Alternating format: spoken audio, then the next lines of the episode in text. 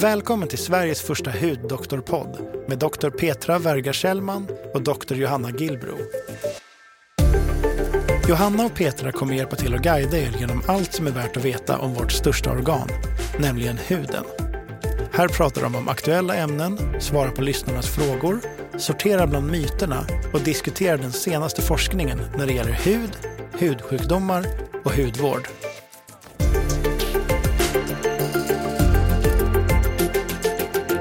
Det här avsnittet handlar om hudvårdsmyter. Hej Petra! Hej Johanna! Nu är vi här igen.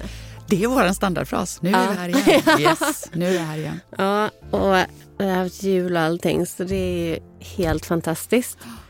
Idag ska vi prata om myter, några stycken i alla fall tänkte vi. Ja, för att jag vet inte hur det är med dig och det är säkert samma sak. Men, men jag, det är ju det som eh, jag tycker alltid när man pratar om huden så är det liksom myter som är Som man får lust att avliva tänker ja, du? Ja, dels det. Och sen så finns det faktiskt eh, väldigt mycket myter, inom, speciellt inom hud och hudvård, som man faktiskt kan eh, avlivas av det där. Ja. Det finns det. Ja. Ja. Och vilken ska vi börja med? Ska vi prata om det som jag ofta får höra och många, och jag kan läsa ibland på olika forum, råd som ges för att motverka torr hud, så menar man att man ska dricka massa vatten och det finns Hollywoodstjärnor som menar att deras fantastiska hud beror på att de dricker så mycket vatten. Mm. Det tror jag, eh, eller jag kan säga så här, eh, självklart får man inte en splendid, strålande vacker hud av att bara av att dricka åtta liter vatten eller, liksom, eller tio glas vatten om dagen eller någonting sådant. Eh, jag tror att när det gäller Hollywoodstjärnorna så är det nog väldigt mycket annat de gör för att få en, sin, sin kanske fina hud. Och förutom att man har möjlighet att verkligen kanske ta hand om sin hud på alla sätt och underkasta sig olika behandlingar som ju förstås ger lyster även om den är temporär och så vidare. Så är det säkert så att en del bilder kanske på de här också är retuscherade och de är sminkade och så vidare. Så att, att man får så perfekt Hollywoodhud eh, som man ser på tidningsomslagen av att dricka vatten, det kan man typ glömma. ja. ja, nej, verkligen. Sen finns det ytterligheter tänker jag då. Om vi tar bara liksom rent det här medicinskt. Det är klart att om du är svårt sjuk och är totalt dehydrerad, alltså dina vatten, vattenbalans är superdålig och allting. Ja, då kan det märkas att du även får en, liksom, en torr hy. Men, men det är ju egentligen inte, alltså det är ju inte själva eh, alltså huden som blir torr på, på, på det sättet som jag tror att vi menar med torr hud, att den flagar eller sådär, utan det är ju mer att hela, hela eh, ja, mm, alltså om, alltså att, att den blir ospänstig för att den är uttorkad och, eh, och det är så många andra fel som sker samtidigt. Så skulle jag nog enklast vilja förklara det.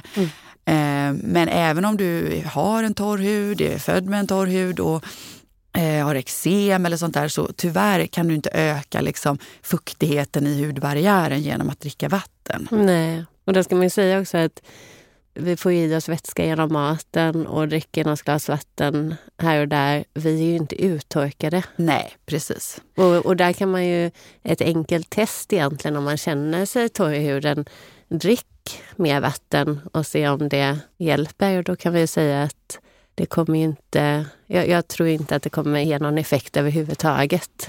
Nej, det kan vi nog konstatera. För hur skulle, för jag menar vatten som man dricker tas upp i blodet och i blodet och sen filtreras det ju liksom för mycket vatten filtreras ju ut i njurarna och så blir man kissnödig istället bara. Så Mm, att, exakt. att det där vattnet skulle eh, lägga sig precis där man vill ha det, det, det, nej, det, det kan vi glömma. Sen är det som sagt, men så ytterligheterna, det är klart blir du generellt eh, uttork, alltså svårt uttorkad, ja då märks det även på huden.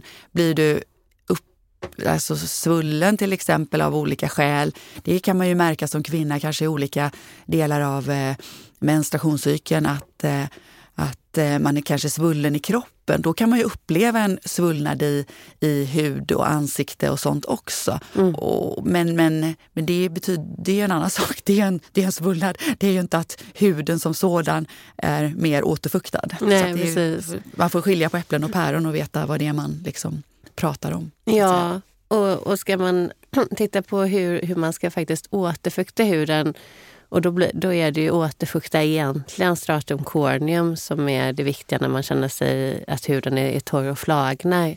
Och ja. där har vi egentligen två mekanismer för det. Det ena är att stärka hudbarriären och ibland kan man behöva en okklusivt lager av fett. Vi pratade om iktios förra eh, avsnittet. Det gäller ju liksom att använda, har man extremt torr hud så gäller det att ha en fetthinna som minskar då vattenavdunstningen. Precis. Men sen gäller det också att få in fuktbindande ämnen i översta hudlagret, alltså epidermis eller egentligen stratum corneum som är det absolut yttersta lagret. Och här hjälper det som sagt inte att fylla på med vatten utan det gäller att hålla det vattnet som faktiskt finns i huden. Vi har ju 30% vatten i vår hud redan. Och det gäller ju att hålla det här så eh, inbundet som möjligt. Precis. Hålla kvar, binda fukten i huden. Men som sagt var, den, det kan man inte riktigt bättra på inifrån. Och sen har vi den andra paradoxen då också att om vi utsätter huden för allt för mycket vatten, för det vore ju käckt då kanske, tänker någon, att ja, men då kanske man kan fylla på vatten utifrån. Det vill säga lägga vatten på huden eller ja, eh, duscha eller bada. Men det vet vi också att det torkar ju tyvärr bara ut huden mera. Mm. Eh, för vi har ju olika fuktbindande, vi har ämnen i huden. Dels har vi ju sådana rent naturligt. De brukar, det finns olika sorters molekyler, de brukar sammanfattas ibland i något som heter NMF, Natural Moisturizing Factors. Så det är lite olika sorters molekyler som ligger i huden och eh, helt enkelt drar till sig fukt. Eh, Se till, alltså, ja, de, de kan i princip binda eller dra till sig vattenmolekyler så att de hålls kvar där. De ämnena, konstigt nog, kan ju alltså sköljas ur huden om vi badar och eh, duschar för mycket. Så att på det sättet blir det ju lite tankevurpa här nästan, att vatten gör att huden blir torrare. Men däremot om vi, för jag menar de flesta av oss vill ju ändå duscha och bada, så då är det väl jätteviktigt just det här att man smörjer in efteråt. För då både smörjer man ju, i den bästa världar i alla fall tänker jag Johanna, så smörjer man med ämnen som både är fuktbindare som lägger sig, så där som du berättade, och sen att det finns även en komponent i krämen som lite grann lägger sig som det här locket på mm. och minskar avdunstningen. Så att kom, den, det, är väl, det väl måste vara den bästa, eller det är väl den bästa ja, kombinationen. Precis. Och, det... och, duscha, eller, och smörja gärna efter, direkt efter man har duschat för den fukt som ändå finns kan man ju passa på att stänga in så att säga, mm. eller, eller, låsa upp. Men, eh, men i överdrivet duschande och överdrivet bad, framförallt långa bad, där är tidsaspekten eh, viktig leder ju till uttorkning mm. av huden och förlust av fukt. Mm, absolut. Mm. Myt nummer två då. Eh, jag får ju också mycket mejl och också när jag är ute och pratar med... jag hade två föreläsningar senast förra veckan och får faktiskt många frågor som gäller att man... Många tycker att de har, eller ja, de upplever då att de har mycket död hud som ska bort. Och då handlar det om att man exfolierar eller pilar huden för att man ska få bort den här döda huden och få mer lyster. Det har jag fått väldigt många frågor om nu den sista tiden. Och det som jag svarar då, och, och, och du får gärna säga vad du tycker här, men eh, jag pilar ju aldrig min hud själv. Gör du det? Nej. Nej. Och, och, Kort och gott nej. Mm. och, och anledningen till att jag inte gör det, jo det är för att tittar man på ett, en hud i histologi, ett histologiskt snitt av huden, då ser man ju att vi har de här olika lagren och det här stratum corneum då som man ibland benämner då det döda hudlagret det finns ju där av en anledning och nu ser man också att det finns ju en mängd olika gener, proteiner också metabolisk aktivitet i det här lagret.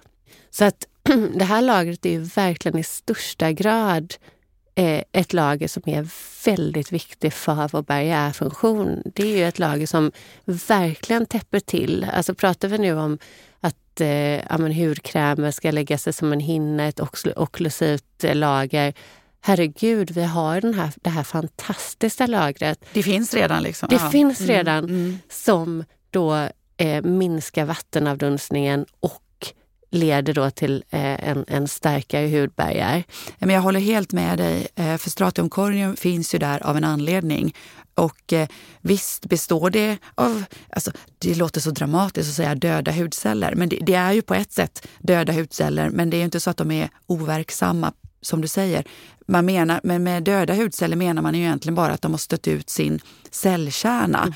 Och det här är ju en, en process i huden som ska äga rum att hudcellerna skapas ju så att säga från vårt Eh, stamcellslager längre ner i huden och sen mognar de ju ut och då transporteras de ju uppåt i huden och närmre hudytan. Och vi vet ju alla att utanför, alltså huden måste ju stå emot väldigt mycket yttre påverkan. Allt från miljö, ja, you name it, liksom till väder och, och miljögifter och ja, vet det, luftföroreningar och allting. Eh, och då är det ju viktigt att de här yttersta cellerna är väldigt starka. Så när cellerna mognar från liksom inifrån och ut så blir de ju mer och mer keratininnehållande. De innehåller alltså det här hårda ämnet keratin och, på sam och samtidigt så, så liksom mot slutet så stöter de faktiskt ut sin kärna. Men det här är ju en process som ska äga rum. Så det betyder ju inte att det råkar sitta massa gamla döda hudceller på ytan som vi liksom inte har någon nytta av. Utan det här är någon, har ju, någon jag vet inte vem, men någon som skapade oss har ju liksom tänkt mm. och, eh, och gjort det på det här sättet så att vi ska ha ett, ett lager av, eh, och det, vad är det? Kanske är det 40 cellager eller något sånt där, jag vill jag minnas. Men det, det kan vara mer eller mindre också. Men men det är klart att sen finns det olika tillstånd om vi inte liksom tvättar ansiktet vanligt och även om vi alltså, utsätter huden för mycket. Jag tror att om man liksom solar mycket och sånt också så kommer ju kanske huden att förtjockas som ett, eh, som ett försvar liksom, mot den här yttre påfrestningen. Och då kan ju huden bli lite kanske mer glåmig eller, eller gråare och då kan det förstås finnas hos en del ett behov av och känsla av att man kanske eh, vill, vill pila bort lite. Och sen är det ju så att det är klart, pilar du bort massa, då ökar visserligen lysten, absolut, men på bekostnad av funktionen. Mm. Så det är väl det man ska veta. Att, eh, att lysten ökar för att eventuellt ljus reflekteras bättre när du inte har det här. Men, det, men du får ju på bekostnad av som sagt var funktionen att du kan få en hud som blir känsligare, torrare. Mm. Mm. Du ökar risk för olika ja, Mm. Eh, liksom, tillstånd som beror på att balansen i huden är störd. Sen säger jag inte att man aldrig någonsin, man kan väl, det finns ju olika milda peelingar idag som man väl absolut kan använda, men att man verkligen gör det med, i min åsikt i alla fall, att man gör det med måtta och eh, kanske, alltså, jag vet inte, det är svårt att säga om max någon gång i veckan eller varannan vecka, alltså sådär, men, men i alla fall inte för mycket. Nej, precis.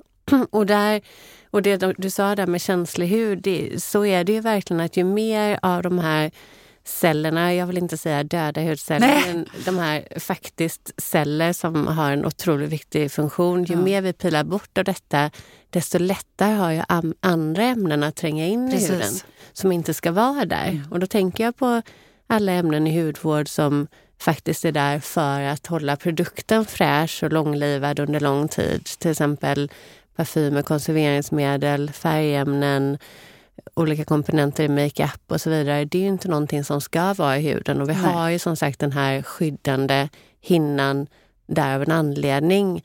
Eh, dels för att ämnen i kosmetik och hudvård inte ska kunna tränga in i huden, men även eh, föroreningar och eh, partiklar och så vidare. Ja, och även eh, eh, tänker jag eventuella, jag kan tänka mig att patogena eh, bakterier och Ja. sånt där skulle också lättare kunna få, få fäste om, om hudbarriären är skör. Plus att vi, eller det blir i alla fall en ond cirkel. Vi, blir hudbarriären skör så förlorar vi fukt och då blir det som jag brukar säga så här, mikrosprickor i huden nästan. Och då ökar ju risken för, ja, precis som du säger, annan påverkan både av ämnen och av eh, mikroorganismer och sånt där. Så att, nej.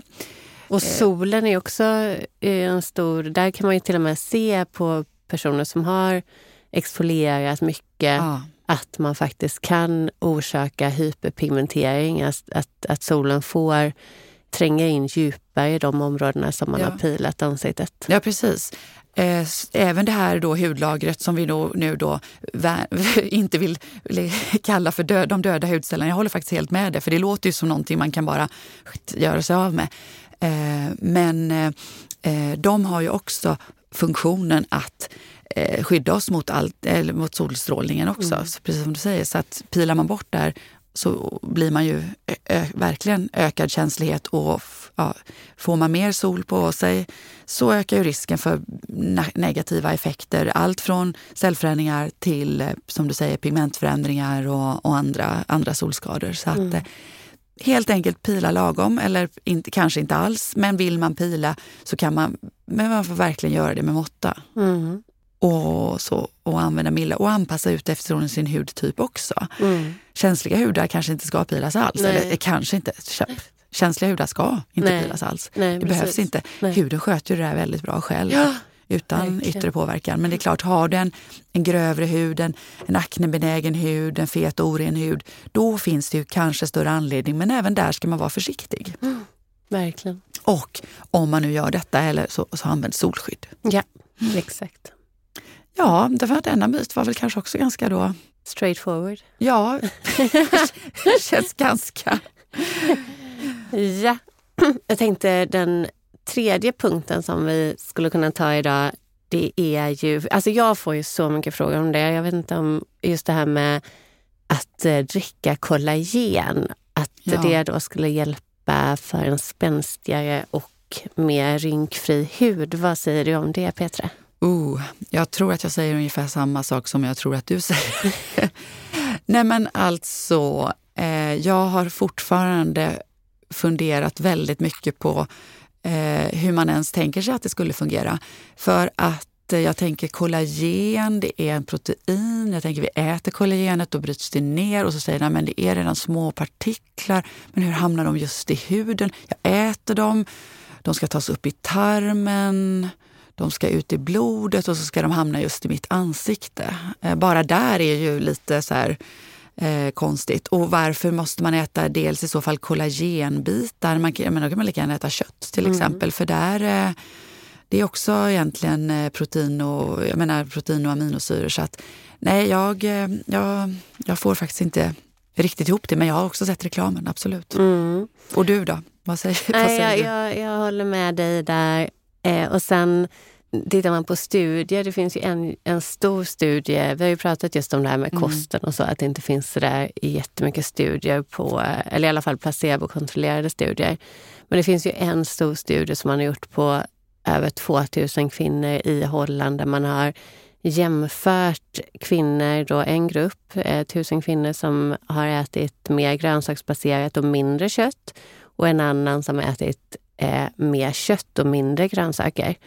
Och där ser man faktiskt eh, skillnader på rynkor och spänstig hu- spänst, liksom spänstigheten i huden, hållfastheten i huden. Och då kan man ju tro baserat på detta att köttätarna skulle ha mycket bättre hållfasthet i huden. Men det är tyvärr tvärtom. Det är de som äter mindre kött och mer grönsaker som har då en, en så kallad, inom situationstecken, då, yngre hud. Och det är inte så konstigt egentligen, tänker jag, för att det här vittnar återigen om att ingenting är så enkelt. Det är inte bara så att en enda faktor, ät kollagen eller ät protein, just bara leder till att få ett enda slutresultat. Utan Nej.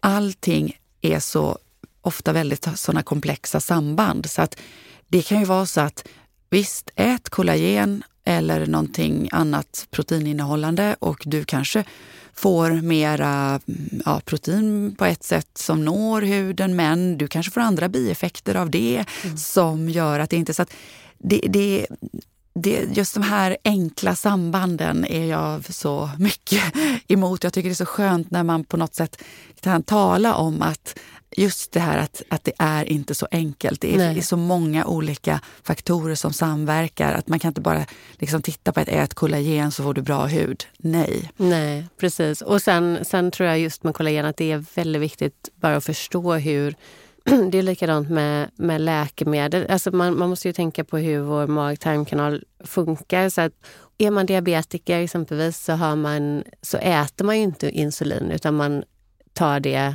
i, I sprutform. Ja. Och anledningen till det är ju att insulinet som är ett protein, ett av våra minsta protein visserligen, men det bryts också ner i mag-tarmkanalen. Mm och har ingen som helst effekt för en diabetiker. Eh, utan man måste injicera detta. Och, och, samma princip gäller ju då att äta kollagen. Det kommer också brytas ner till aminosyror och kommer inte då eh, precis som all, nej, precis som all protein man äter. Nej, nej, exakt. Så precis på samma sätt som, som insulin då, vad tror du, ska man, man... Man skulle kunna tänka sig att man skulle kunna injicera kollagen då rakt in i dermis för att fylla upp den dermala regionen och då öka hållfastheten. Men det här har ju visserligen lett till en del biverkningar. Precis. Alltså, jag menar, det är ju som du säger, ska man vara säker på att kollagenet ska hamna på plats så, så får man nog injicera det lokalt på platsen. Men precis som du sa också så har ju det, det gjorde man ju faktiskt lite förr innan eh, de här de fillers som finns idag. Eh, så använder man ju till exempel, nu var väl det kanske inte så att man så mycket la det i huden för att öka spänsten. Men man sprutade ju till exempel in det i läppar och sånt där, gjorde läppförstoringar. Det var väl bland de första i, i fillererans begynnelse. Och det kunde man ju ofta se, tyvärr, att det blev immunologiska reaktioner. Eh, såklart inte hos alla, hos en del gick det bra, men alldeles för många fick ju där det blev ärrbildning och mm. sådant. Så att så även om det ja, låter som en tilltalande metod så skulle jag inte våga eh, eh, precis som du säger, spruta in och liksom kollagen heller. Va? Men, eh, men det tror jag är i alla fall det enda sättet att, att man med all, fall, med all fall säkerhet vet att det hamnar rätt. Men, men inget som någon mm. av oss mm. rekommenderar. Och det, det är jätteintressant det du sa om ärrbildning där, för kollagen är ju viktigt när det gäller sårläkning. Så då får man ju kollagenbildning och det eh, bidrar då till ärrbildningen.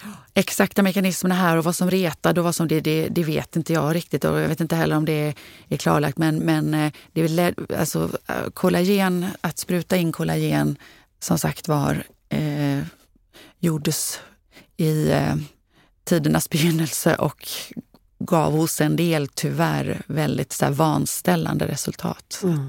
Så, det, mm. nej, så jag tror att man får helt enkelt, vi får jobba på vårt, eh, vår kollagen eller nybildning på annat sätt. Eller kanske är det viktigast att bromsa nedbrytningen av kollagenet. Ja. Genom Exakt, och då, då tänker jag så här, för man kan ju faktiskt boosta eller öka kollagenbildningen utan att just använda kollagen. Och det handlar ju om att dels ska man titta på det på, från utsidan, alltså topikalt. Eh, då handlar det om att använda små molekyler som faktiskt kan tränga ner och, i huden och boosta eller stimulera en kollagenbildning. Och vitamin A, retinol, det är ju faktiskt en av de substanserna som ja. har visat sig ha effekt på kollagen och elastinbildning. Eh, och tittar man då på kosten så finns det ju faktiskt ämnen i just frukt och grönsaker som har visat sig eh, eh som är små molekyler som när du har ätit dem fraktas direkt ut i mag-tarmkanalen och kan stimulera då en kollagenbildning. Och det är inte bara i huden utan där kan man ju stimulera även i leder och så. Precis. De eh, ämnena är ju eh, eh, bra och intressanta. Jag tror att vi har faktiskt publicerat det på hemsidan tidigare. Ja just det, det har vi på gjort. vårt Instagram. Exakt. Lite grann av de olika ämnena som är gynnsamma för kollagen nybildning. Men sen så har vi ju då också, som är min alltid, det är ju att också minska kollagennedbrytningen. Det vill mm. säga, sola inte en massa mm. för att varje gång man solar så stimulerar man olika enzymer som klipper sönder kollagenet. Punkt. Ja, bra nej, sagt. nej, men det är ju så. Så att, eh, det, där har vi ju en, en viktig, en viktig eh, del istället för, att liksom vara rädd om det kollagenet man har. Liksom. Det är klart att vi vill alla öka och uh, vore väl jättekäckt att kunna öka kollagenet men uh, var också rädd om det kollagen mm. som man redan har. Liksom. Mm. Förstör inte det genom att uh, sola sönder det. Uh, kanske uh, rökning och annat. Mm. Sånt som tyvärr bryter ner mm. kollagenet. Så att, mm. Nej, så eh, du har studerat det här mer Johanna än vad jag har, men du är ingen, forskare, äh, ingen, ingen fan av eh, eh, kollagenpulver och eh, jag, jag kan inte heller se någon särskilt positiv effekt. Det är säkert inte farligt heller. Men, eh... Jag har i och för sig läst att eh, vissa studier som eh, där de här personerna som äter kollagen eh, får huvudvärk. Mm -hmm. eh, och det har jag även sett i en person som vi studerade i en studie med det här. Hon fick huvudvärk och det var då jag började titta, finns det studier som, som eh, har gjorts på detta? Och då finns det en rapporterad biverkan av kollagenpulver, mm -hmm. att eh, man skulle kunna att man får huvudvärk helt enkelt. Intressant. Mm. Det stod inget om eventuella mekanismer eller så? Nej. Bara observerat liksom? Det är bara mm. observerat, Aha. precis. Okay. Ja, eh, men eh, vad bra. Jag tror att vi kan sammanfatta dagens tre myter. Att dricka vatten ger inte en mer återfuktad hud. Nej, och det här med att, att man tror kanske att man går omkring med massa död hud som ska bort. Det, det skulle vi verkligen också vilja få fram i det här avsnittet. Att de, de här inom situationstecken döda hudcellerna. Och jag skulle verkligen vilja att, att man går bort ifrån ens det ordet, att man pratar istället om koniocyter, för det är det det heter. De heter faktiskt koniocyter och det heter de när de har nått det här stadiumet. Mm.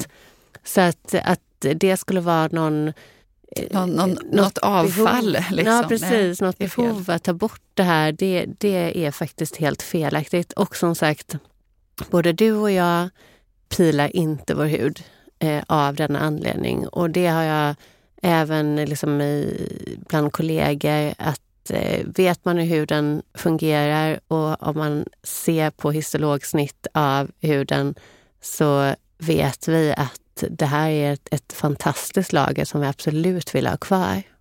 Och det sista är att kollagenpulver kan vi inte se någon större vits med. Nej. Helt enkelt. Helt enkelt. Ja, det var allt för idag.